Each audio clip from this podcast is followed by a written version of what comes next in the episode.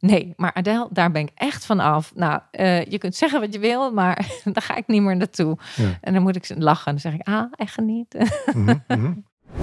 Zo van, ja, maar als je dan iemand beschadigt en dat kan niet. En dus we willen geen enkel risico meer. Daardoor hebben we een heel vlak, dat is net als in een relatie. Als je geen enkel risico meer neemt, ja, dan wordt het een beetje soort, ja.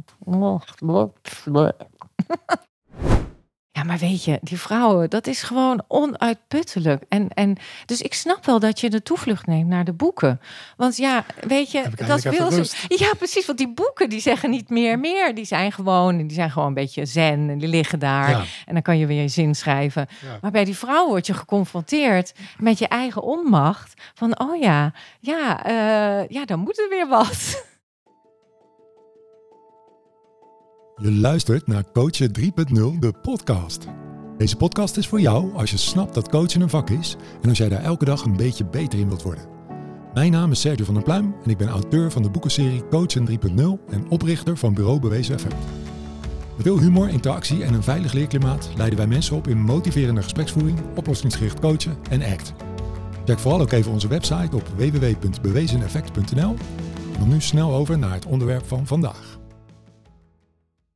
Ik zit hier met Adelka Vendel. Adelka, welkom in de podcast. Ja, dankjewel, Sergio. Wat leuk om je weer eens eh, te spreken. Wij gaan al een tijdje terug samen. Ja, dat klopt. We kennen elkaar sinds eh, de provocatieve jaartraining die we in 2005 volgden. Dus uh, alweer bijna 20 jaar geleden. Ja. En eh, ik vertel nog wat meer over jou eh, voor de luisteraar die je nog niet kent, voor zover die nog bestaan. Ehm, je bent psychologe. Je hebt een eigen praktijk. Vendel.nl is volgens mij eh, je, Ja. bureau. Eh, zowel training als coaching doe je. Ehm, en je hebt je in de loop der jaren steeds meer eigenlijk gespecialiseerd in de provocatieve benadering. Provocatieve psychologie noem je het Mhm. volgens mij. Ja. Eh, heel mooi om, eh, om te zien dat je daar steeds meer eh, ja, echt voor gekozen hebt. Je hebt een prachtig boek geschreven met de uitdagende titel U lijkt me een vrij hopeloos geval. Ja. Wat misschien wel de beste titel aller tijden is.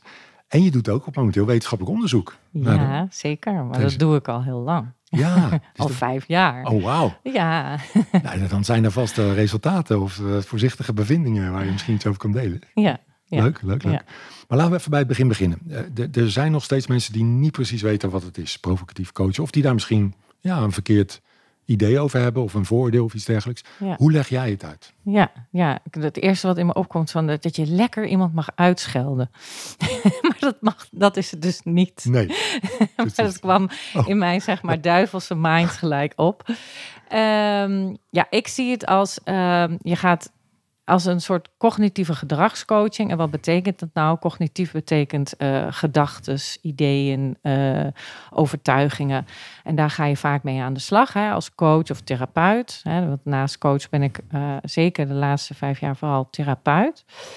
En ehm, eh, dan ga je een beetje schudden, net als aan een boom, aan die gedachtes.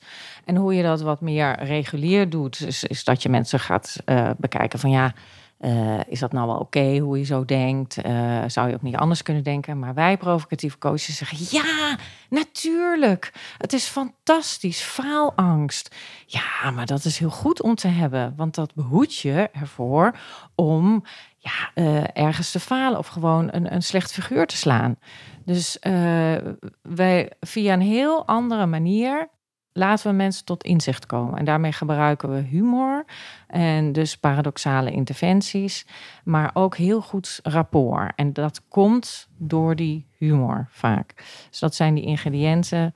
Ehm, ja, waar ik ei- eigenlijk zeg ik, wij stoppen cliënten in een soort cakewalk. Weet je wat dat nog is? Ja, Van de kermis. Kermis? Ja, ja, zeker. Waar je zo helemaal zo oh, helemaal door elkaar geschud wordt. Mhm. En dan kom je eruit.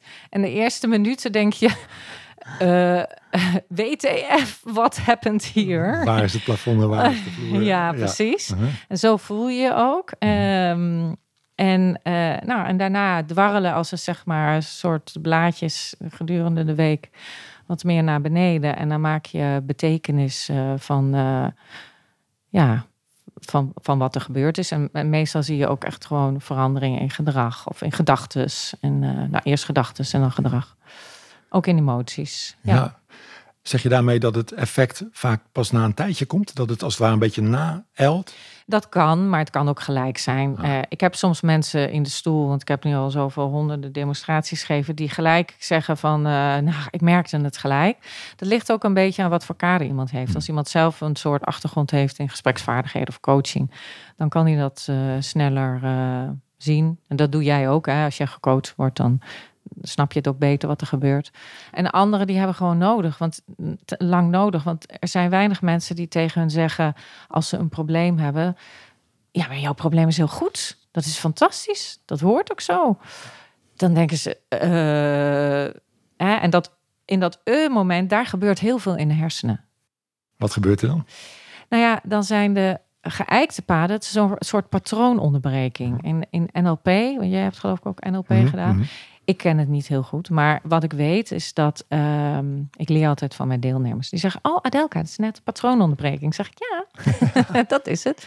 Nou ja, iemand komt binnen met een verhaal en die onderbreek je direct door te zeggen: Nee, maar fantastisch als je eh, je durft niet naar buiten. Maar dat is zo goed voor de Albert Heijn bezorgdienst. Je bent een van de eh, weinige mensen die zoveel geld geeft aan bezorgen en zo laat je de economie draaien. Nou, dan denkt iemand: Wat is dit voor raar invalshoek. En dat al zorgt ervoor dat je hersenen niet het gewone patroon van misschien wel klagen of het vervelend vinden kunnen doen. Die moet zich gaan herijken. Ja, dus je bent eigenlijk positief aan het ontregelen als het ware. Ja, zeker je aan het ontregelen. En daarbij gebruik je dus humor, waardoor je dus die band ook eh, verbetert. Het is een van de dingen die humor doet, is heel goed werken op die working alliance. De, de, De werkalliantie, de, de klik die je hebt. de klik. ja. mhm. En, ehm, en ook vind ik op de veiligheid van is deze persoon te vertrouwen. Als hij een dolletje met de deur, je durft te maken, dan is hij te vertrouwen. En dat, ik vind altijd zo mooi de Duitse uitspraak: wat, wat zich liebt, dat nekt zich. Hmm, Vertaal die Dus- eens. Eh, als je elkaar mag, als je elkaar lief hebt, dan durf je elkaar te plagen. Ah, dat vind ik heel herkenbaar. Ja, en, en dus er zit ook heel veel liefde in provocatief coach of provocatieve therapie. Wat mooi dat je dat benoemt, want dat vergeten mensen wel eens. Hè? Ontzettend. Ja. Ze denken dat het eh, eh, keiharde, snoeiharde confronteren is. Of ze denken dat het een trits van trucjes is. Hmm, En dat heb ik heel goed geleerd in, in Duitsland van Noni. Die hamerde daar heel erg op. Van ja, zeg, je kan heel mooi met allerlei interventies zijn en dat keurig op een rijtje hebben. En toch niet goed kunnen provocatief coachen. ja, dat geloof ik meteen. Wat gaat dat je bij Noni in de leer bent eh, geweest? Ja, Mijn Duits is niet zo goed, ja, maar ik ken haar naam al heel lang. ja. Dus, dus kun je eens wat meer vertellen over wat je van haar hebt geleerd? Ja, nou misschien is het leuk om dan te kijken van hoe, hoe, hoe ben ik begonnen met dat Mhm. provocatieve coachen. Ik heb eerst dus de jaartraining gedaan bij Jaap en Jeffrey. Mhm. En, ehm, en daarna dacht ik, eh, ik wat toevallig, mijn familie woont in München en zij zit ook in München. Dus toen dacht ik, ja, en ik kan Duits. Dus ik ga bij haar wat volgen. En wat ik heel leuk vond, is dat ik bij haar een vrouwelijk voorbeeld vond. Mhm, snap ik. Want eh, ja, hoe ver we ook zijn in de emancipatie, eh, mannen en vrouwen gebruiken humor anders. En dat zie je ook in alle onderzoeken die ik nu heb gelezen. Er wordt ook anders gekeken naar vrouwen die humor gebruiken. Ik zie ook cabaretières andere soort humor gebruiken dan mannen. Heel interessant. Het is zo interessant. Als je, je ziet het pas als je door hebt. Maar ik, ik heb nu het idee, ik heb in ieder geval een stukje door. Ja. En dan zie ik het ineens, Mhm. hoe wij dat doen als vrouwen en als man. En zij kon mij dus een heel mooi voorbeeld geven, want je gaat ook moddelen. Hè? Mhm. Je gaat die, die mannen nadoen, Jaap en Jeffrey. Nou, ik ging Noni nadoen en dat helpt heel erg. Dat is het oeroudste manier van leren. Mhm. Het is gewoon aapjes leren van elkaar. Ja, precies. Monkey see, monkey do.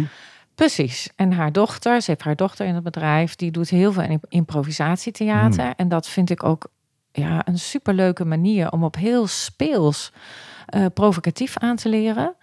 En dat heb je zelf waarschijnlijk ook wel gemerkt. Als je al die drie ballen in de lucht moet houden en dat Help omdenken. even voor de mensen hè, de- wat de drie ballen zijn. De drie ballen. Dus als je eh, humor eh, wil gebruiken, als je die uitdagingen, die interventies die je leert ook wilt gebruiken en dan ook nog contact houden met je cliënt. Ja.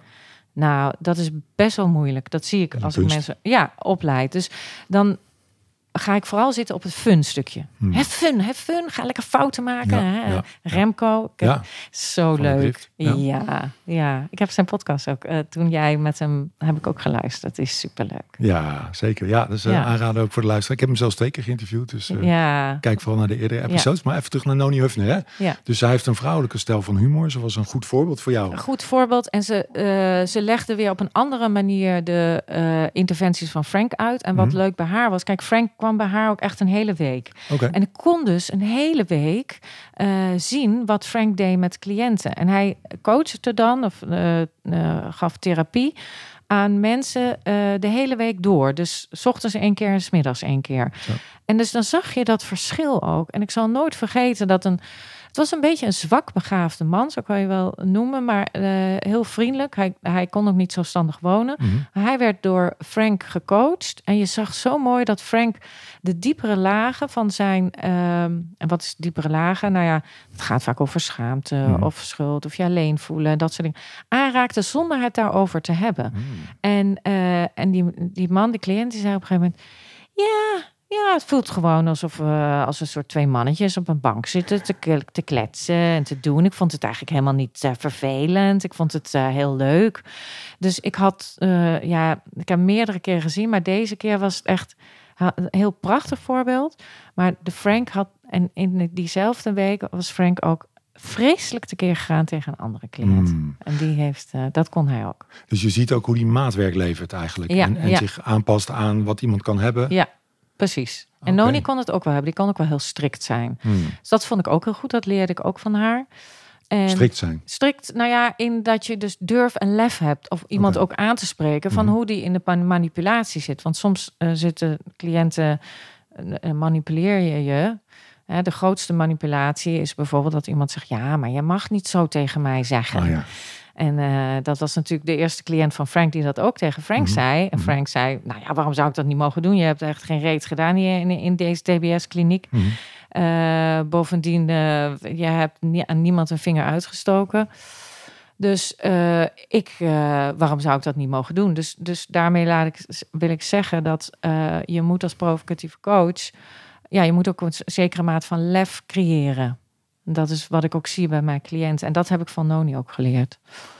Lef, lef ontwikkelen, durven Ja. zeggen Ja. wat er gezegd moet worden. Ja, precies. Oké. Ja, ja. Ik wil even uitleggen voor de luisteraar wie Frank is. Die naam is al een paar genoemd. Maar. Frank Farrelly was natuurlijk de grondlegger. Ja. Ehm, Iers-Amerikaans. Inmiddels overleden. Eh, wij hebben allebei ja, de, de blessing dat we hem nog hebben meegemaakt. Ja. Hoe, hoe herinner jij je Frank Farrelly? Ja, als een soort verdette. Hmm. Ik heb hem geprobeerd te interviewen voor mijn boek. Hmm. En ehm, nou, dat was schier onmogelijk. Ik, dat, eh, hij eh, zei, ja, eh, read my book. Oh. En dan ging hij weer verder eten. Maar ja, omdat ik hem hele week bij hem was... Mhm. heb ik zo kleine stukjes interviews. Toen dacht ik, oh ja, ik moet het anders aanpakken. Nou, dan ging ik gewoon bij hem aan tafel zitten. En dan ging ik gewoon daarover praten. En, en eh, nou, daarna snel aantekeningen maken. Ja, ja, dus dat vond ik wel. eh, ja, het was heel grappig om te doen. Ook leuk dat je door die manier weer andere manieren vindt om toch informatie te halen. Zo heb je dat interview een beetje bij elkaar gesproken. Ja, precies. Dus ik moest natuurlijk een beetje, eh, een beetje mijn grote ogen opzetten. Zo af en toe een beetje zo erbij komen. En, Mhm. ehm, en vragen, gewoon open vragen ook. Ja. En ehm, ja, dus er staat ook een interview met Frank van mij in mijn boek. Ja. Superleuk. Ja. Ja. Ik heb het wel gelezen destijds. Ik ga hem binnenkort eh, eens herlezen.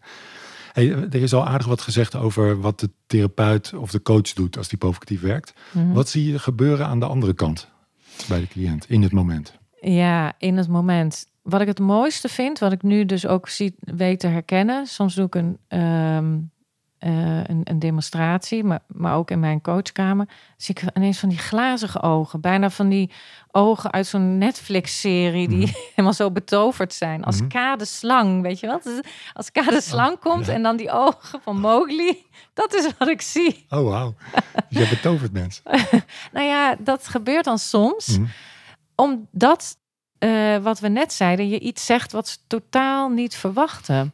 En je, je drukt daar ook op door. En er zijn twee dingen die je anders doet als zeg maar in het regulier coachen. Dat echt Mhm. anders is. Mhm. Namelijk, als iemand komt met een probleem, dan zeg je... in alle verschillende facetten. Maar dat is geen probleem. Mhm. Kijk eens hier. Om deze reden is het een gave. Om die reden is het juist om goed. Daarmee kun je mensen bedienen.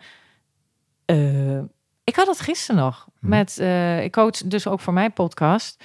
Een vrouw die ook zelf heel veel humor gebruikt. En die vond het heel nou, erg dat ze alweer de 50 gepasseerd was. En dat ze gewoon een aantal pijntjes en dingetjes kreeg. En ik zei, ja, maar net, dat is goed voor bijvoorbeeld de cosmetische industrie. Jij brengt zoveel geld in het laadje. Want je wil niet op je kop laten zitten. Dus het haar moet nog goed. En, Ja. en, en, en, smeer, en de wangetjes moeten nog goed. En je zag haar kijken. En zij gaf letterlijk ook dat terug. Van dat, dat moment gaf ook een soort verheuging. Dus iets wat gekaderd is als dat is verschrikkelijk. Mhm, mhm. Bijvoorbeeld bij haar was het ik tel niet meer mee. Mhm, dus die onderlaag werd ook Ja, gelijk geraakt. ja. Ik tel niet meer mee naar oh, oh, ik ben dus eigenlijk ook nog wel nuttig voor de maatschappij. Ja. Ja. En Dat klinkt eigenlijk alsof er heel veel herkaderd wordt, reframed wordt Ja. tot iets wat iemand zelf labelt als best wel negatief en pijnlijk en, en, en zelfs misschien als iets wat hem of haar tegenhoudt. precies. Dat reframe jij tot iets wat ook gewoon het vieren waard is en wat plezier geeft en waar je ook Ja. wat je kan uitbuiten of benutten. Ja, en dat doe je bijvoorbeeld met humor. Dus als je humor gebruikt, dan herkader je natuurlijk ook. Ja, ja. Dan, en, en dat is zo leuk, want ons brein is natuurlijk gewired, of hoe zeg je dat? Ja, Mhm, de, op, ja, ja. opgericht om negatieve eh, boodschappen te ontvangen. Ja. Omdat zo kon je overleven. Ja. Maar dat door ons grote denken is dat gewoon een beetje te veel doorgeslagen. En gaan we te veel ja, aan, aan die vervelende kant kijken. En dat is zo bev- en het bevrijdt. Mhm. Dat is ook wat je ziet bij mensen. Ze lachen. Ja, je ziet een lach, dus gedragsaspecten van lachen. Je hebt dat, eh, eh, hoe zeg je dat? Mirth. Dat is de emotie van humor. Oh. Blijdschap. Mirth heet het in het Engels. Hm. Eh, ehm, ja, Vreugde? Vreugde, ja. Ja, Oké. vreugde. Mhm, mhm. dat is een, ook een emotie. Dus dat zie je ook bij mensen. Dus dat zijn allemaal dingen die ik zie in cliënten. En vaak zo een zucht. En daarna komt er een soort zachtheid over iemand. Ik had vorige week, nou, dan hadden we best emotioneel werk gedaan. Veel gehuild. Een realisatie van, nou, ik eh, werd eigenlijk vroeger nooit gezien door mijn ouders. Ehm, en daarna eh, doe ik dan, dat is misschien soms vrij serieus, maar dan kan ik toch nooit nalaten om te zeggen, maar ja, ik denk toch, misschien was je het ook niet waard als kind. Au. Dan lag ze, nee, dan ligt ze helemaal Ja, in de ja, ja, deuk. ja, ja, Want ja. ze kent mij. Ja, ja. Want dan ga ik naar haar toe en dan zeg ik, nou, maar ja, ik denk nog steeds wel eens, misschien was het ook niet echt waard. Ja, dat is goed om die kleine plagerijtjes erin te blijven Ja. houden, om, om haar ook niet eh, zwak te maken. Ja, Eens. niet- Nou, en wat goed is ook om voor de luisteraar even te vertellen, want ik zie jou hier zitten met ondeugende twinkeloogjes en een beetje een ondeugende lach op, rond je mond. Ja, En daarmee zeg jij dit. ja, En dat voelt die cliënt natuurlijk ook. Die ziet en voelt aan jou, dit meen je niet echt. Dit zeg je eigenlijk om mij in mijn kracht te plagen, of hoe je het ook Ja. noemt. Hè? Ja. En dat is goed voor de luisteraar om te beseffen. Ook al klinkt het soms best wel, nou, hè, misschien was je het niet waard om door je ouders geliefd te zijn. Het is eigenlijk een hele Ja. pittige uitspraak. Maar door je twinkeloogjes en je lach maak je eigenlijk met alles duidelijk, dit meen ik niet echt. ja, en door mijn intonatie. Want, Ja, want als ja, ik het zeg, nou, je was het ook niet waard. Ja, Door je ouders. Oeh, ja, dan klinkt het heel pijnlijk. Dus dat is heel pijnlijk. Dus dat, eh, ook stem zit heel veel in, hè? Weet je? Dus, daar- dus, dus dat, ehm, ja, de- Hmm. dus zo. Ja, ja. ja dus eh, ik heb wel eens gehoord, eigenlijk eh, communiceer je voortdurend op over twee kanalen.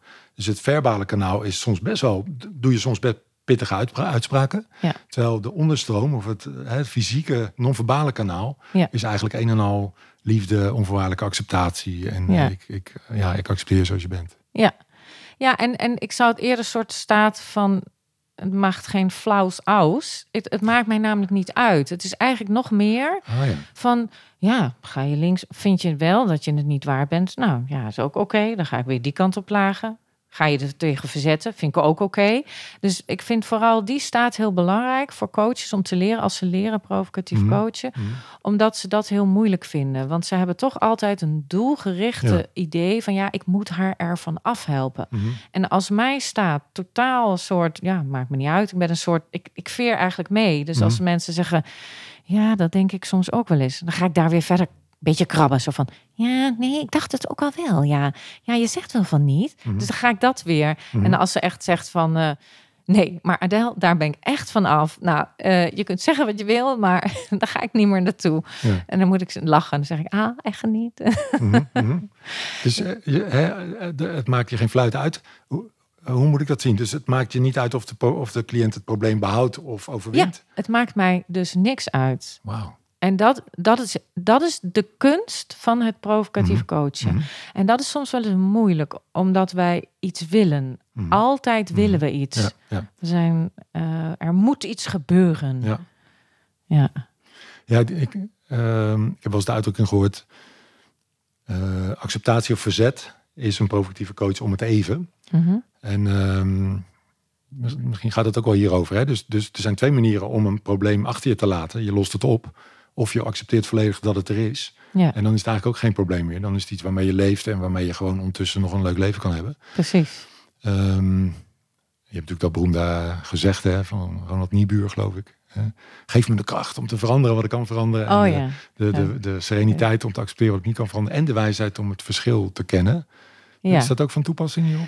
Nou ja, vooral de wijsheid van de coach om, om, om te weten dat je toch altijd een voorkeur hebt dat mensen zich gaan verzetten. Want als, provo, als je in het begin begint te leren provoceren, dan wil je dat iedereen zich gaat verzetten. Want dat Mhm. heb je geleerd van, oh, er moet een verzetsreactie Mm, komen. Ja, Maar soms helemaal niet. nee, En dan is het ook oké. Ja. ja, Ja. ja, ja. Ja, mooi. Een soort onthechtheid van het eindresultaat eigenlijk. Nou, precies. Ja. Een soort Boeddha staat. Ja, hè? ja ik, dat, het durfde het bijna niet te zeggen, maar ik zag net eh, even een Boeddha inderdaad langskomen. Oké, Ehm, eens even kijken. Hey, eh, wa- wat zijn nou eigenlijk volgens jou de werkzame elementen van, van provocatieve benadering? Behalve de humor, die is wel een beetje genoemd, maar wat nog meer? Ja, nou ja, daar zit, daar zit heel veel in. Het is de combinatie, denk ik. Want ik, ik onderzoek zeg maar voornamelijk humor. Want, Mhm. want er is nog niet provocatief coachen onderzocht. Er Mhm. zijn wel wat artikelen van, van Frank Farley en Brandsma, Flinch en zo. Maar. Ehm, ja, het werkzame is de drie dingen samen. Dus ik zie dat humor op verschillende facetten werkt. Dus het werkt stressverlagend. Het Mhm. is een soort coping. Mhm. Ook ehm, wat, wat Jaap ook soms wel heel mooi zegt van een soort herkadering.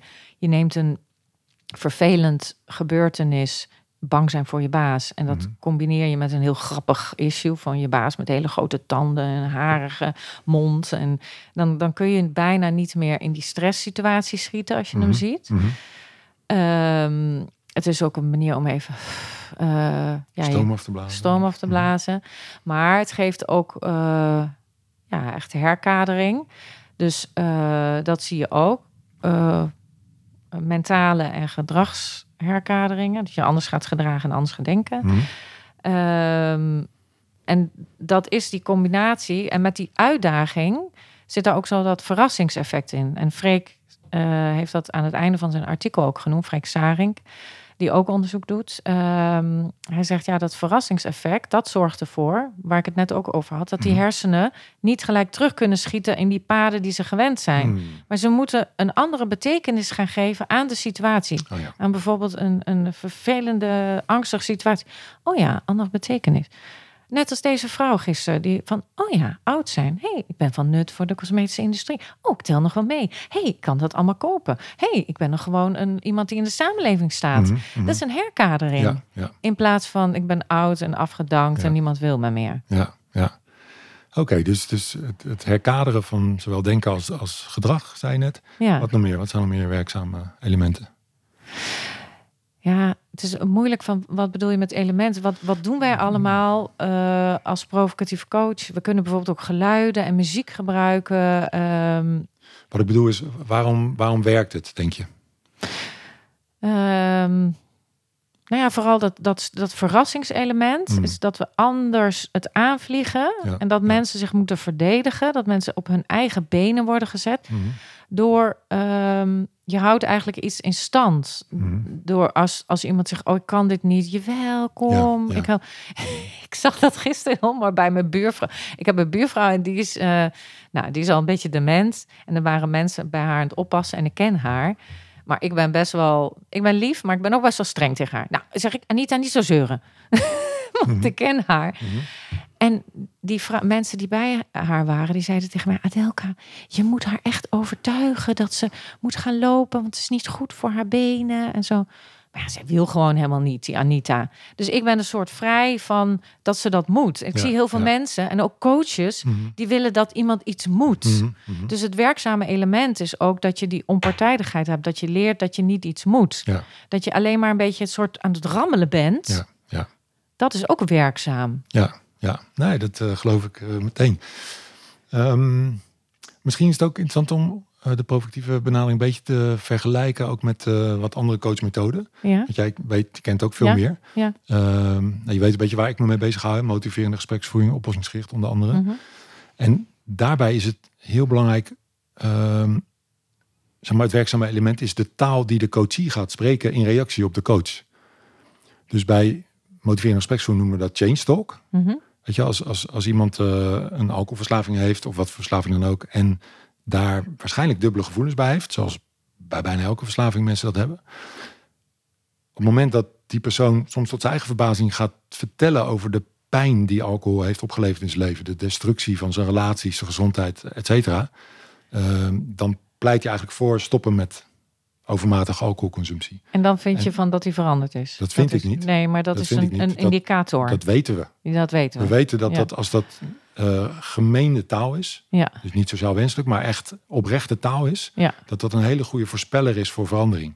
Geen garantie uiteraard, en ook niet altijd in één keer. Maar als dat herhaaldelijk gebeurt gedurende een aantal gesprekken, in een veilige context, dan zie je dat mensen eigenlijk zichzelf overtuigen. Ja. Maar de, ik denk dat dat bij provocatief sowieso al gebeurt. Ja. Kijk, jij belicht nu een aspect, dan denk ik, oh ja, aha.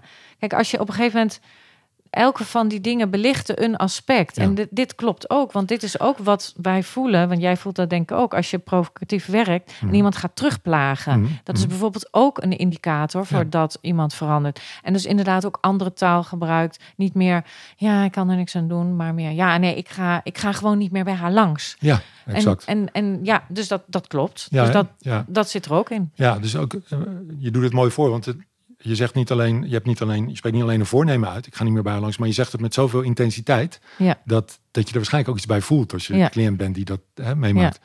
Ehm, en ik, ben, ik doe geen wetenschappelijk onderzoek zoals jij, maar ik ben wel op mijn eigen manier aan het nadenken van, en ik, ik ben er ook over aan het schrijven, van wat, waar zit nou de, misschien wel de overeenkomst tussen provocatieve benadering en, en andere coachmethodes waar, ja, waarvan we weten dat ze werken.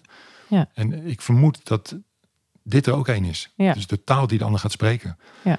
Maar het is ook best wel belangrijk om daarbij stil te staan, omdat ik zie ook veel provocatieve coaches die heel veel spreektijd in beslag nemen. Dus die tijdens een sessie veel meer aan het woord zijn dan de cliënt. En als het zo is, als het waar is, dat, de, dat het belangrijk is om de coachie zelf te laten verwoorden waarom hij of zij wil veranderen, hoe, wanneer, op welke manier, et cetera. Dan zouden we iemand daar ook wel wat spreektijd voor moeten geven. Zie Ja, dat, dat, vind, dat, dat is ook zo. En eh, dat, dat komt vanzelf. Ik zie dat Mhm. ook wel in Mhm. mijn praktijk. Ik zie Mhm. ook dat ik daar wel wat in veranderd ben. Want in het begin ga je oefenen. Dan wil je zoveel mogelijk schieten. Ja. Ehm, aan de andere kant, ik geef altijd een bandje mee. Dus Oh ja. mocht ik veel eh, gesproken hebben, dan kunnen ze dat thuis nog een keer Mhm. nahoren. En dan, dan is het niet zo heel erg. Mhm. Eh, want er gebeurt wel heel veel in dat hoofd. Maar Mhm. soms klopt het, klopt wat je zegt. Dan zegt een cliënt, ja, ik luisterde niet eens meer naar wat je zei. Maar dan, dan is dat, zeg maar, dat een beetje mitrailleurachtige Mhm, mhm. praten van mij. Heeft een ander eh, effect. Mhm. Namelijk dat diegene denkt, nou weet je, laat maar even. Hoe zit dat nou eigenlijk bij mij? Mhm. En dat vind ik ook een hele goeie. Ja, ja, ja. Dat maakt mij niet uit, Nee. want ze gaan zelf nadenken. En dat is eigenlijk wat wij moeten doen. Mhm. Al het, al, heel veel dingen zitten al in hun. En ze willen het toch op hun eigen manier oplossen. Ja, ja. Nou, dat aanwakkeren. Ja. Je, bent, je bent meer een aanwakkeraar. Ja, oh, dat is een mooie term, ja. Ja, dat vind ik wel herkenbaar. ja. Gaaf. Ja. Aanwakkerendcoachen.nl. Ja.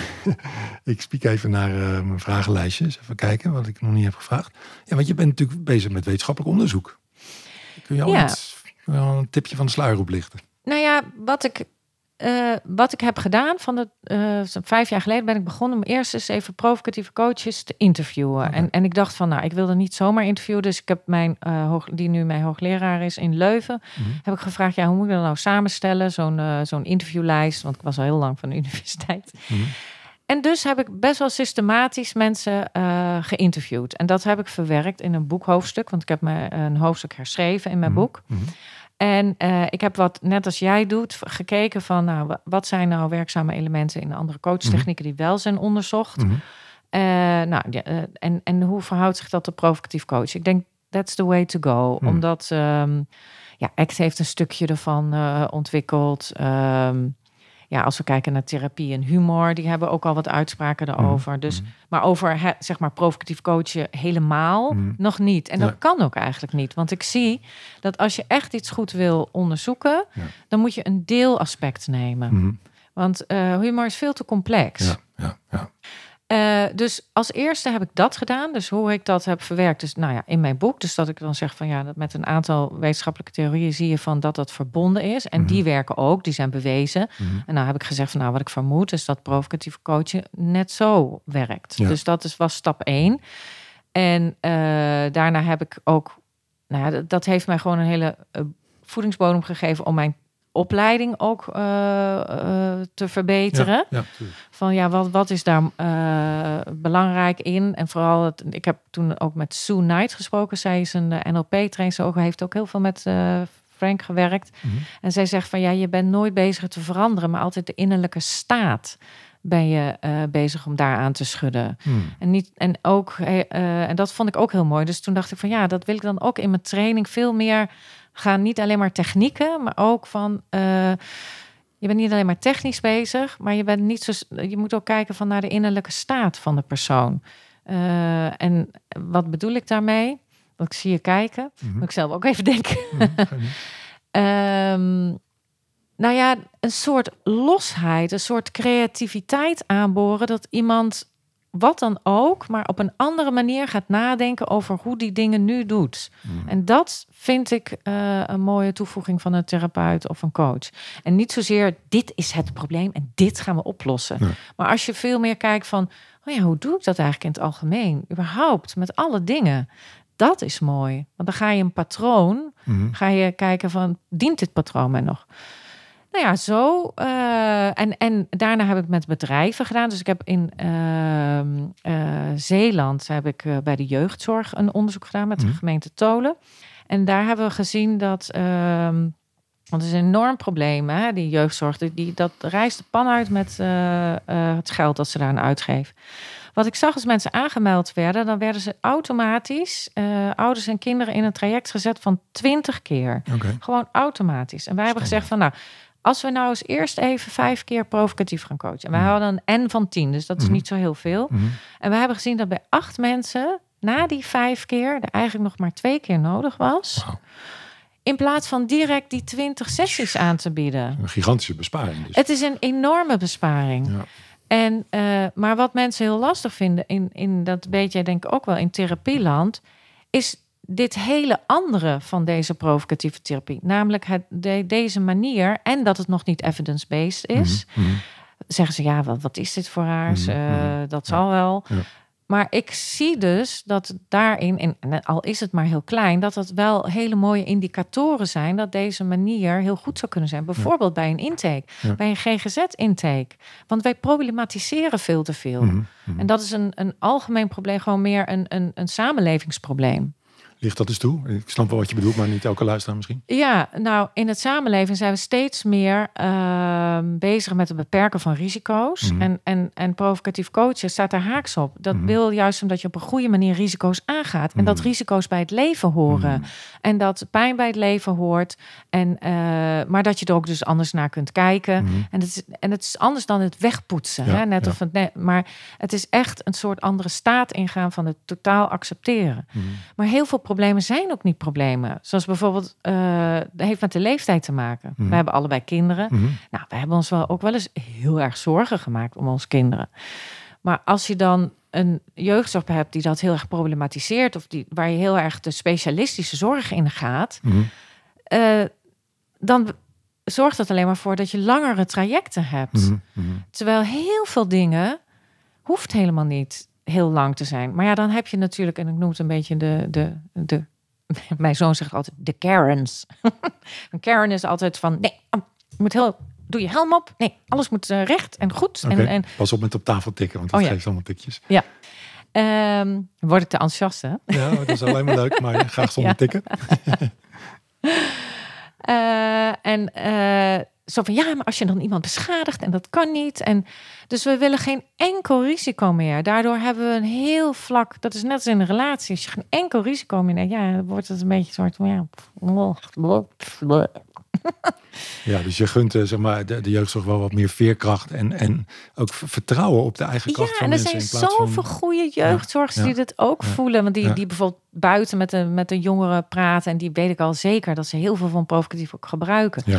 Maar als je het stelselmatig veel meer zou inzetten als Hmm. een soort poortwachter. Hmm. En wie dan nog wel weer specialistische zorg nodig heeft, die kan doorverwezen worden. Ja. Zoals ik bijvoorbeeld merk dat eh, ik heb toevallig nu ja, best wat cliënten die ook echt werkelijk zwaar trauma hebben. Mhm. En dan merk ik ook gewoon, oh, dat provocatieve, dat heeft ook een plafond. Mhm. We moeten samen gaan eh, wat anders gaan Ja. eh, doen. En, Ja. en daardoor gebruik ik nu ook andere methodieken, zoals dat ademhalen. Mhm. Mhm. Ehm, en eh, dus, dus dat moet er ook gebeuren. Maar dat neemt niet weg dat ik 80% heel goed met alleen provocatief kan helpen. Ja. Hoeveel zou dat schelen? Hoeveel geld kan dat schelen? Echt enorm veel. Ja, dus het is eigenlijk een enorm pleidooi om in ieder geval in de jeugdzorg ehm, vaker deze benadering te, te hanteren. En, En kinderen willen lachen. Ja, natuurlijk. Maar mijn hemel, wie, wie wil er meer lachen? Mijn jongens die lachen zoveel meer. Ja. Die zijn eh, continu maar bezig met alleen memes en dingen. En, en maar super dat zeg je ook wat heel interessant, want dat herken ik heel erg uit mijn reclasseringstijd. Toen ik de provocatieve benadering leerde, werkte ik bij de reclassering nog. En dat was een uitstekende proeftuin om van alles en nog wat uit te proberen. Ja, heerlijk. En ik ontdekte, ja, maar dit is eigenlijk hun taal. Ja. Eh, laten we Ja. kijken. Ik bedoel, ga eens kijken bij een groep uh, ja, jongvolwassenen en zeker Ja. ex-gedetineerden. Die, die plagen elkaar, die, die, die gebruiken humor, die Ja. ehm, ja, eh, dagen elkaar uit. Ja, dus wij zijn veel te in die volwassen mind gaan zitten. Van eh, ja, en het moet allemaal. Ja, nee, maar ik, ik, dat ik zelfs jongeren soms zie die heel keurig zijn. Ja, nee, dat moeten we niet doen, want dan anders dan gebeurt er iets. En dan denk ik, oh, maar dat, dat ja, dat beneemt me bijna mijn adem. Dat ik denk, ja, maar je moet ook leven. Je moet ook kunnen Mhm. vallen. Je Mm, moet ook kunnen. mm, mm, Ja, heel vervelend, maar je moet ook een arm kunnen kwijtraken. Ja, liever niet. mm. Ja. Maar dat, we, we zijn zo Ja. verkrampt en willen iemand schuld geven als dat gebeurt. Dat, Ik snap wel wat je bedoelt. Je krijgt beelden eh, van, van zo'n speeltuin waarbij alles is afgedekt met een zacht laagje. ja, maar dat Dus- is het ook. ja, we zijn een ja. soort. eh, Ja, kijk naar Wall-E. Ken je die film? Ik heb er veel over gehoord, maar nog niet gezien. Nou ja, er zijn in ieder geval mensen, dus die, die, worden, die hebben geen enkel gevaar. En het enige wat ze doen is op een soort eh kar, eh, lichtbedjes rijden. En dan eh, krijgen ze een soort milkshake naar binnen. Want ja, er zitten geen gevaren en geen gekke dingen. Ik heb net bijvoorbeeld in, op een olijvenpit zitten kauwen. Ik denk, oeh, bijna mijn tand eraf. Hmm. Nou ja, daar kan je bijna ook wel iemand voor gaan zoeken. maar, dat, maar ja, goed, dat is dus een maatschappelijk probleem. Maar daar is het eh, provocatieve coachen staat daar een beetje haaks tegenover. Mhm, mhm. En dat maakt het soms moeilijk voor die provocatieve methodiek om een antwoord te zijn op de tijd die er nu is. Maar toch denk ik dat het een antwoord kan zijn. Het is eigenlijk juist een heel verfrissend antwoord, maar het is nog een beetje moeilijk te Het is, verkopen. het, het is, ja, of te verkopen. Nou ja, en in ieder geval eh, moet er wat meer onderzoek naar gedaan Mhm, worden, naar deelaspecten. Nou, dus dat is leuk. Ja. En ik denk, ja, ik ga maar een heel klein deeltje doen. Dat moeten anderen weer over gaan nemen later. Ja. En, ehm, maar ja, we, we zouden wat meer vanuit nieuwsgierigheid dingen moeten doen. Als ik zie hoe mensen vroeger... Ik zit een beetje nou eh, door dat ademhalen ook in eh, nou ja, andere soorten eh, manieren. Zoals bijvoorbeeld hoe er met drugs werd geëxperimenteerd in de jaren 50. Mhm. Dus die Stef Grof, die, dat is een meneer die die ademhalingssessies heeft ontwikkeld. Die experimenteerde vroeger met LSD. Mhm. En wat ik heel leuk vind aan hun manier van onderzoeken, was Mhm. dat ze. Nou, gingen ze het zelf nemen, en gingen ze ja. kijken, en gingen ze met elkaar, en gingen ze opschrijven, en dan gingen ze kijken, oh, hoe zie jij eruit, hoe doe jij dat? En dat is tegenwoordig allemaal not dan. Mhm. Want nee, daar moeten we heel ver van blijven. En ook zie ik hoe ze nu met die MDMA onderzoeken, Mhm, ze mhm. doen nu voor trauma, doen ze ook veel Ja, MDMA onderzoek. Gehoord, ja. En hoe ze dat doen, is heel, nou ja, heel keurig. Hè? Maar, eh, en, en wel heel goed. Dus dat Mhm. er bijna geen ongelukken gebeuren. Dus dat is natuurlijk fantastisch. Mhm, mhm, Maar ook een beetje de vrijheid is weg. De vrijheid die wij nemen als provocatieve coaches. mhm. eh, om een beetje gek te doen of raar te doen, of misschien de plank mis te slaan. Mhm. Die zag je daar ook in. En, en dat zijn we wat verloren, vind ik. En dat, dat vind ik jammer. Ja. Nou, wat een gepassioneerd pleidooi Ja. voor eh, wat meer avontuurlijkheid en wat minder Ja, voorzichtigheid. Ja, hè? ja, ik denk het wel. Ja, Ja, nou, ik, Voel, ik voel daar ook wel voor. ja. Ehm, eens even kijken. Ehm, ja, is het, misschien is het wel leuk om even een eh, korte sessie te doen. Oh ja, Ik ben wel benieuwd hoe jij dat eigenlijk doet. Hoe ik dat ga doen. Ja. Nou, eh, Zou je mij willen coachen? ik zou jou heel graag willen coachen. Oké. Ja, ja. Heb jij een probleem? Oh man, het, keuzestress. Hoe, hoeveel- Keuzestress Nou ja, heb je. Is dat je ah, probleem? nee, of hoeveel problemen Ja, je ja, hebt? dat. Echt waar. Nee, dat. Maar, dat, wel- maar dat al is geweldig, want er zijn zoveel coaches. Ja, Ja, ik heb dus bijvoorbeeld in mijn training zo'n groep. eh, en daar, daar moeten ze dus twee keer proefcliënten hebben. Nou, Mhm. daar zou je al heel mooi kunnen eh, meedoen. waar kan ik me inschrijven? ja, nee, het, het, eh, ik, ik heb meerdere problemen zoals ieder mens, denk ik. Maar wat ik eh, wel zou willen inbrengen is mijn enorme onmatigheid in het kopen van boeken, online trainingen, cursussen. Ik, het, wordt, het wordt te gek. Nee, maar dat heb jij nodig. Want jij weet het nog niet goed genoeg. Ja, je bent gewoon een beetje een onzeker mannetje. ja, het gekke is dat ik het niet zo voel. Het, het zal, zal, ik voel het niet zo. Oh, Ik voel me niet onzeker. zeker? Nee, ik nee. zit best wel lekker in mijn vel. Oké, Maar als ik- dus dan ik doe je het voor een andere reden. Ja. Maar je doet het voor een goede reden. Ik vind het, ik vind het leuk Ja, om te lezen. maar niet alleen maar leuk. Ik vind het ook wel nuttig. Ja. Eh, maar het ding is, weet je, veel boeken vallen ook best wel tegen. Dus dan Ja, dan er weet je, oh, maar dat is geweldig. Dan doe je het natuurlijk Mhm. om te lezen. Ja, daar heb ik toch wel een beetje gelijk. Heb het om te lezen oh, van, nou, weet je, eigenlijk weet ik het zelf wel beter. En eigenlijk ben ik nog wel goed. Oeh. En eigenlijk, eh, maar dat is geweldig, want deze boeken, die moet je blijven kopen. Want dat geeft jou het recht dat je gewoon dat kan doen wat je nu doet. Want je hebt een mooi bureau, je Mhm. geeft mensen les. Mhm. En als je, hoe meer jij leest van, hé, hey, eigenlijk weet ik meer, hoe zekerder jij wordt. En dat is natuurlijk fantastisch. Geweldig. Oké. Nou, Ja. ja. er zit wel wat in. Want ik, ik, ik schrijf ook zelf, net als jij. Ja, en natuurlijk. eh, eigenlijk wil ik wel meer zelf schrijven en minder boeken van anderen. Nee, maar dat kan jij nu nog niet. Nou. Nee, dat heb jij. eh, Nee, dat heb jij nodig. Want voordat jij een zin opschrijft, moet je in vier boeken al gelezen hebben. Oh. Of het. eh, ja, maar dat is toch. Maar Ja, dat, dit- is een goede manier. Waarom is dat? Oh, dat Ja, doen heel dit veel vrouwen dit is, ook. Dit is wel wat ik doe inderdaad. Want dan ga ik een nieuw boek schrijven. En dan denk ik, oh, Even research, kijken. research fase. Dan ga ik heel veel boeken Ja. kopen. Ja, en, eh, Ja, wat is daar mis mee? Ja, mijn vrouw die zeurt over al die boeken die dan niet meer in de kast passen. en Nee, jouw vrouw zeurt dat ze weinig aandacht krijgt. Oh. Laten we het hebben over jouw vrouw. En dat is veel belangrijker. Hè, want zij wil natuurlijk wat aandacht van jou. En Mhm. jij hebt alleen maar aandacht voor die ene zin. Voor die boeken. En voor die boeken. maar zij wil gewoon dat je wat meer aandacht hebt eh, voor haar lijfje. Dus, dus, dus ja, dat, ik snap ik geen, wel. geen aandacht voor heb. Nou ja, als je zoveel in de boeken zit, heb je daar minder aandacht voor. Grappig, ja. Nee, ik, ik- we, we vrij genoeg. Eh, Als je, je begint over haar lijfje. Ja. Maar ik, wat wel, ja, je hebt wel een punt. Je hebt wel een punt, want ehm, ik denk wel dat ik nog meer aandacht voor Marloes zou kunnen hebben dan ik heb. maar dat, dat, dat is Maar je weet het lievelingswoord van vrouwen, hè? En dat is Weet Meer. je het niet? meer. Meer. Ja, meer. Meer, ik wil nog meer. Ja, ja. Nou, ze dadelijk, mijn man zit beneden, dus die kun je zo eventjes... eh, zo, oh, heeft jouw vrouw ook meer? Ja, ja, meer. Oh, Doe even zo'n mailbonding. En dan zal die zeggen, ja, ja. Hij het is echt... Ja, maar weet je, die vrouwen, dat is gewoon onuitputtelijk. En, en, dus ik snap wel dat je de toevlucht neemt naar de boeken. Want ja, weet je, dat wil even ze... Ja, precies, want die boeken, die zeggen niet meer, meer. Die zijn gewoon, die zijn gewoon een beetje zen en die liggen daar. Ja. En dan kan je weer je zin schrijven. Ja. Maar bij die vrouw word je geconfronteerd met je eigen onmacht. Van, oh ja, ja, eh, ja, dan moet er weer wat. Nou ja, die, ja, ja, er zit wat in. Een boek, een boek is gewoon geduldig en die wachten tot ja, ik, die eh, wachten. en, dan- en dan kun je ook en- nog iets van maken. En dan krijg Ja. je ook dus maar ego-streling. Want dan krijg, ga je weer een boek. Ik zie dan altijd die boeken 3.0, 3.0. De boeken 3.0. 3.0, Sasha 3.0. Ja, ja. En, en jouw vrouw die wil misschien ook wel. Ja, die wil misschien ook wel seks 3.0. Ja, ik wou net zeggen. Ja, precies, de 3.0. 3.0 versie van mij. 3.0. Oeh. ja. Dat, eh, mijn fantasie slaat meteen vol. eh, ja, ja, nee, maar dat moet. Nou, ik ben blij als ik dat kan doen. Want eh, ja, ik voel natuurlijk heel erg mee met jouw vrouw. Want ik vind haar gewoon ontzettend zielig. Ik vind het echt zielig.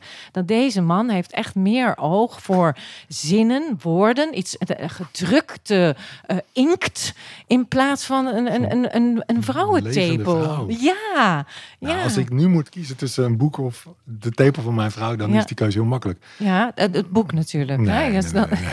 Ja, nee, dat, dat weet ik niet hoor. Dat, eh, dat weet ik wel. ja. Maar ja, jeetje.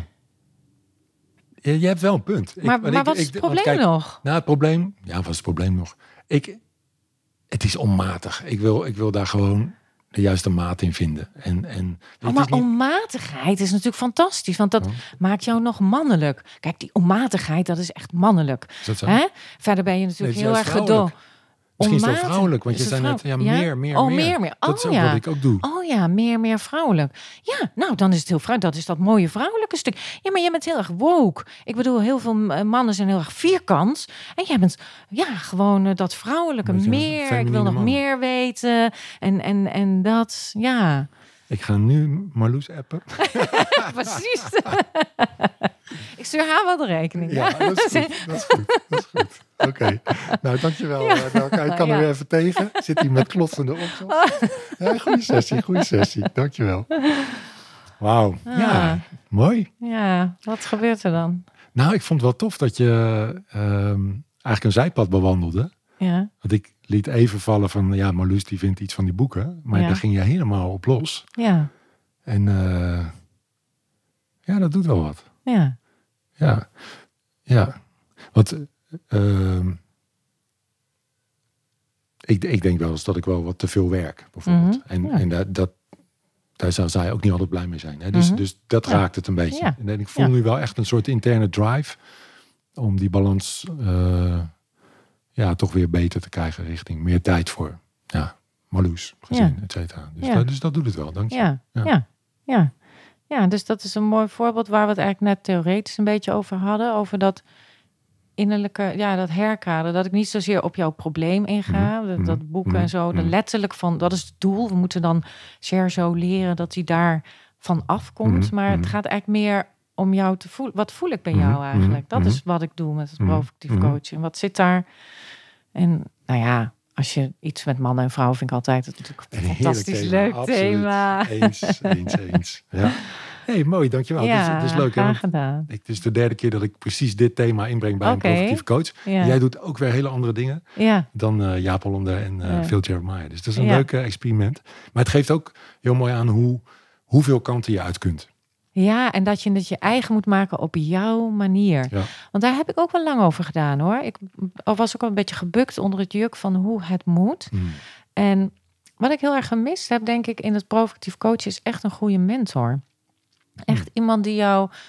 eh, want ik ben eigenlijk ook gewoon een beetje begonnen om het zomaar te doen. Hmm. En eh, ik. ehm, en dat is leuk, want, want ja, met Jeffy is ook gewoon zomaar begonnen. Hmm. Hmm. Maar ik hoorde ze wel eens zeggen van ja, Adelke heeft alleen maar één jaar gehad en gaat ze al trainingen Oh, geven. oh, echt? Ja, oké, oké, oké. En, nu vind ik dat ontzettend leuk, want ja, ik, tuurlijk klooide ik ook gewoon Mm, maar een beetje mm. aan. Maar dat deden zij ook. En Ja. daar hebben wij allemaal het recht toe. Ja, ja. En, en waarom zou dat niet goed zijn? Mm. Maar vroeger dacht ik van, oh shit, ik doe iets niet goed.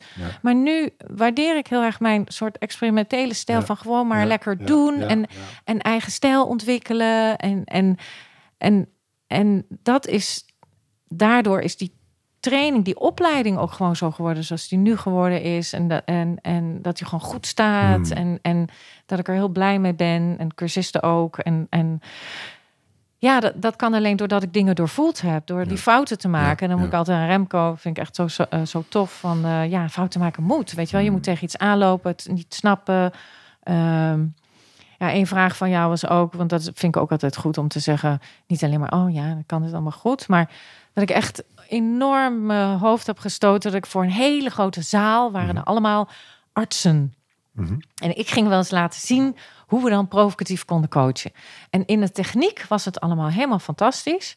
Maar ik had nul rapport. Hmm. Oh, en dus die, wee, wee, wee, dus die sessie die liep helemaal niet. En je had nul rapport met die persoon ja, met zaal? die persoon. Ja, die, oh, oké. Ja. Ik, eh, dat, ja. ik was zo zenuwachtig Ja, dat het niet lukte. Ik heb Wauw. veel last van zenuwachtigheid gehad. En ook omdat ik in dat provocatieve veld... Ja, eh, het is fijn als je gewoon iemand hebt die zegt... Nou, weet je, eh, ga gewoon doorgaan. Ja, gewoon doorgaan. En niet... ehm, eh, ja, maakt niet uit. Oh, fout gemaakt. Nou, volgende keer moet je zo doen.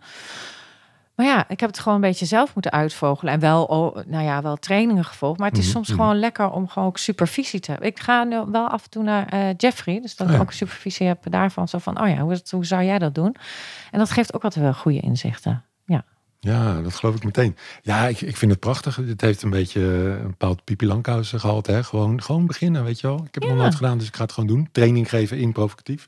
Ja, Ik herken het. Ik ben het ook op een gegeven moment gaan doen. En ik vond het ook spannend. ja, Naar Jaap en Jeffrey toe. ja. Terwijl het nergens staat dat het eh, verboden is. Nee, nee. Eh, sterker nog, je ja. moet je eigen... En nu Ja. hebben wij heel mooi... En Mhm. jij moet kijken wat een mooi bedrijf jij hebt. En, en hoe ik het weer gebruik. En zo vind ik trouwens...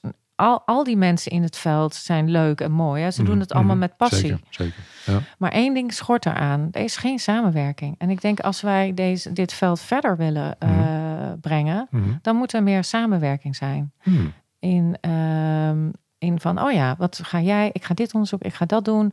Eh, zullen we dit eens uitzetten? Gewoon experimenten uitzetten. Mhm, mhm. Eh, en hoe zit dat bij jou en hoe heb jij dat gezien? Hè, dus dat, dat zou het veld, want dat was ook een van je vragen, wel verder helpen.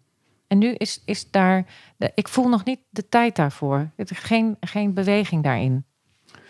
Nou ja, je hebt natuurlijk het congres, het provocatief congres. Maar je, jij denkt misschien aan andere dingen. Want je praat over experimenten. Wat voor experimenten? Ja, maar het provocatief congres is echt van het IEP. Ja. Maar er zijn meerdere mensen bezig met Mhm. provocatief coachen. Mhm, mhm. Dus eh, dat betekent dus dat je ook uitwisselt van... hé, hey, wat gaat er goed in het geven van opleidingen? Wat mhm. gaat er minder goed? Mhm. Eh, wat kunnen we zien? Hoe kun je met deelnemers... dat je van elkaar leert. En dus denk je dan aan de opleiders onder elkaar? Ja, ja, Ja, opleiders. Ja, Ja, ja, opleiders ja, onder elkaar. En, en kijk, dat hoeft niet. Ik heb, ik heb daar wel eens een aanzet voor gegeven. Het is geen must. Maar eh, die vraag triggerde me wel. Wat je zegt van ja, wat zie jij voor uitdagingen voor provocatief coachen? Ik denk als er een aantal, of het moet een soort consortium zijn of Mhm, zo, mhm. van mensen die, eh, die daar veel van afweten. En eh, die niet zozeer van, oh, mijn naam moet op het, mijn Mhm. hoofd moet op het eh, plaatje, maar gezamenlijk eh, gaan kijken van, oh ja, wat werkt er, wat werkt er niet, wat is gaan onderzoeken enzovoort. Ja. Ja.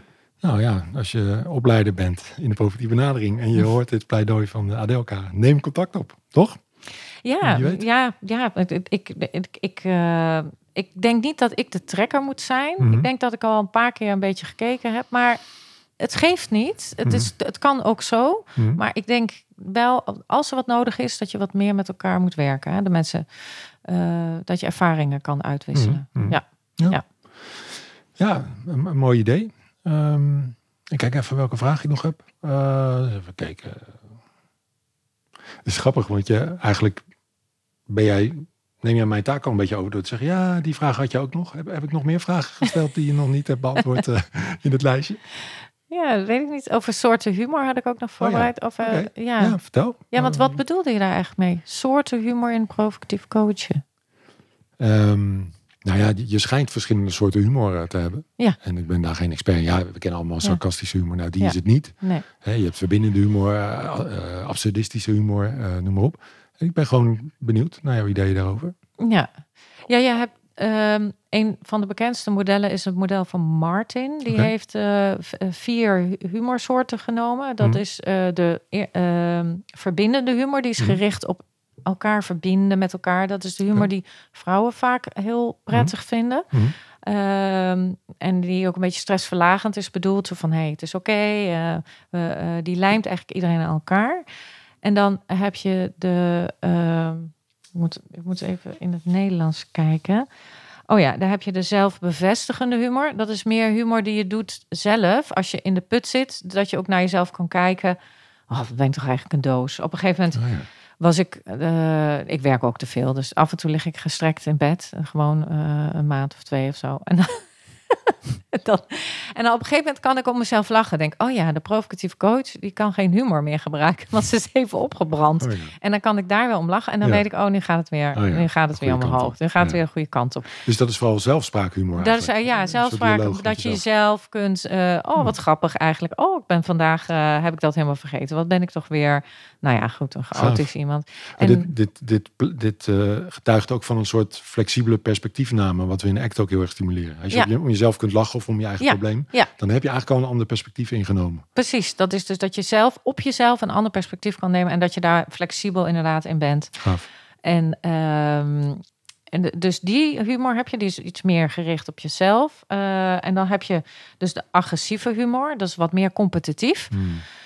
Eh, maar als ik één ding heb geleerd uit de onderzoeken, is dat je niet zo heel bang hoeft te zijn voor agressieve humor. Hm. En dat ligt dus ook aan in welk werelddeel je dan weer woont. Dat is ook weer interessant. Hm. Want er is een onderzoek van de eh, Israëli's. En eh, die kwamen erachter die, die, die, dat in een eh, therapiesessie waarin best wel harde humor was gebruikt, dat daar meer verandering was gekomen. Ah, Gisteren sprak Tim Tepoon, eh, misschien ken je die ook wel. Mhm. eh, eh, de, de coach die ik veel mee heb gespaard over mijn onderzoek. een onderzoeker, hè, toch? Ja, ja, onderzoeker. Ja. Werkt nu bij de politie. Hadden we het over de politie. En de Mhm. politie maakt ook hele ernstige dingen mee. En die moeten dus die harde grappen kunnen maken. Ja. En dus ehm, het is heel belangrijk dat we humor ook in de politie houden. Hmm. En niet alleen maar bang worden voor humor, omdat het natuurlijk ook in het hoek is van ongewenste omgangsvormen.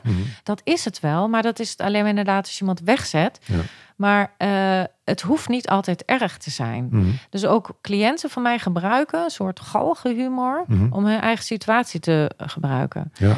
Dus, dus dat is, dat is agressieve humor. Maar die kan ook wel heel erg zijn mensen wegzetten. En dat doen in, mannen doen dat, die hebben iets meer voorkeur daarvoor. Mhm, En de vrouwen iets meer voor die verbindende humor. En dan heb je ook nog zelfdestructieve humor. En dat is eigenlijk van jezelf, jezelf te kakken zetten. Hmm. Is dat iets anders dan zelfspot? Nou, het ligt een beetje in het verlengde. Hmm. En ik zie, wat ik dus zie, is dat vrouwelijke cabaretières hier in Nederland heel veel die zelfdestructieve humor gebruiken. Hmm. Een beetje zelf zichzelf te kakken stellen. En ik vind dat een waanzinnig interessant onderwerp, Mhm. omdat eh, als je kijkt naar Theo Maas, ik kan keiharde grappen maken. Hè? Hmm. maar dan, en de vrouwen, die worden ook leuk gevonden doordat ze zichzelf een beetje naar beneden halen. Hmm. Het lijkt een beetje een cultureel iets. Dat je op die manier wel, eh, zeg maar, voet aan de grond krijgt. Dat is een vermoeden van mij. Hè? Ja, maar het- ja. het zijn wel indicatoren in eh, onderzoeken, bijvoorbeeld naar leiderschap. Mhm.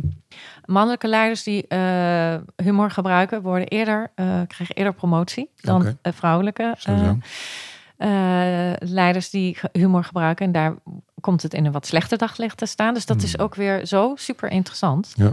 Dus dat hele humordeel is gewoon, ja, je moet een heel klein stukje daarvan nemen. Wil je er iets zinnigs over zeggen? ja, het is heel veelomvattend. Ja, er is veel van. Maar die vier soorten humor heb je. En, en eh, dat zijn hele mooie ankerpunten om te kijken van... oh ja, gaan we, we gaan eens even wat meer onderzoeken... wat voor humor gebruikt eigenlijk een cliënt. Hmm. Dat is wat, wat, wat ik nu heb gedaan in mijn onderzoek. Dus nog niet klaar, maar Hmm. ik heb meer gekeken van... oh ja, wat voor soort onderzoek gebruikt een eh, therapeut... en wat een cliënt en wat gebeurt er in die interactie... en wat voor, ehm, eh, ja, wat, wat voor effecten heeft dat eigenlijk op de... op de cliënt en op de therapeut. Ja. Super interessant. Ik kan niet wachten tot de uitkomst. Ja, ik eh, ook niet. Het zijn. gaat nog even duren. Ja, wat, eh, heb je, hoe ziet je planning eruit? Nou, het moest al lang klaar zijn. Maar Hmm. die, eh, weet je mij bijna? Nee. Alles willende Adelka. Oh, Ja. rupsje nooit genoeg. Ja, rupsje Oh, nooit ja, genoeg. ja, Dus- dat dus-. Ondertussen, eh, ja, de, de- de kinderen opgevoed. En, en, Oh ja. en, toen ook nog leuk hebben met mijn man. Ik hou van vriendinnen. Hmm. Ik hou ook heel veel van uitgaan. Dus Hmm. dan eh, lekker dansen. Ja. Nou ja, en dan moet er nog een artikel. Dus dat kan nog even duren. Eh, nou, ik hoop binnen een half jaar dat het Oké, wel... nou, eh, is dat te overzien. ja. Nou, heel veel succes daarmee. Adelka, we gaan afronden. Ontzettend bedankt voor je wijze, grappige, leuke, twinkelende woorden. Hmm. Eh, ik, zou, ik had gewild dat mensen je ook konden zien, want je zat ook regelmatig inderdaad letterlijk te shinen en met twinkeloogjes tegenover mij. Het mogen duidelijk zijn dat jij de wereld eh, mooier maakt, eh, Adelka. Dat geldt vast ook voor de luisteraar. Ga daar vooral mee door, beste luisteraar. En dan wordt elke dag de wereld een stukje mooier. Nou, dankjewel. Fijn om hier te zijn. Graag gedaan. Jij ook bedankt.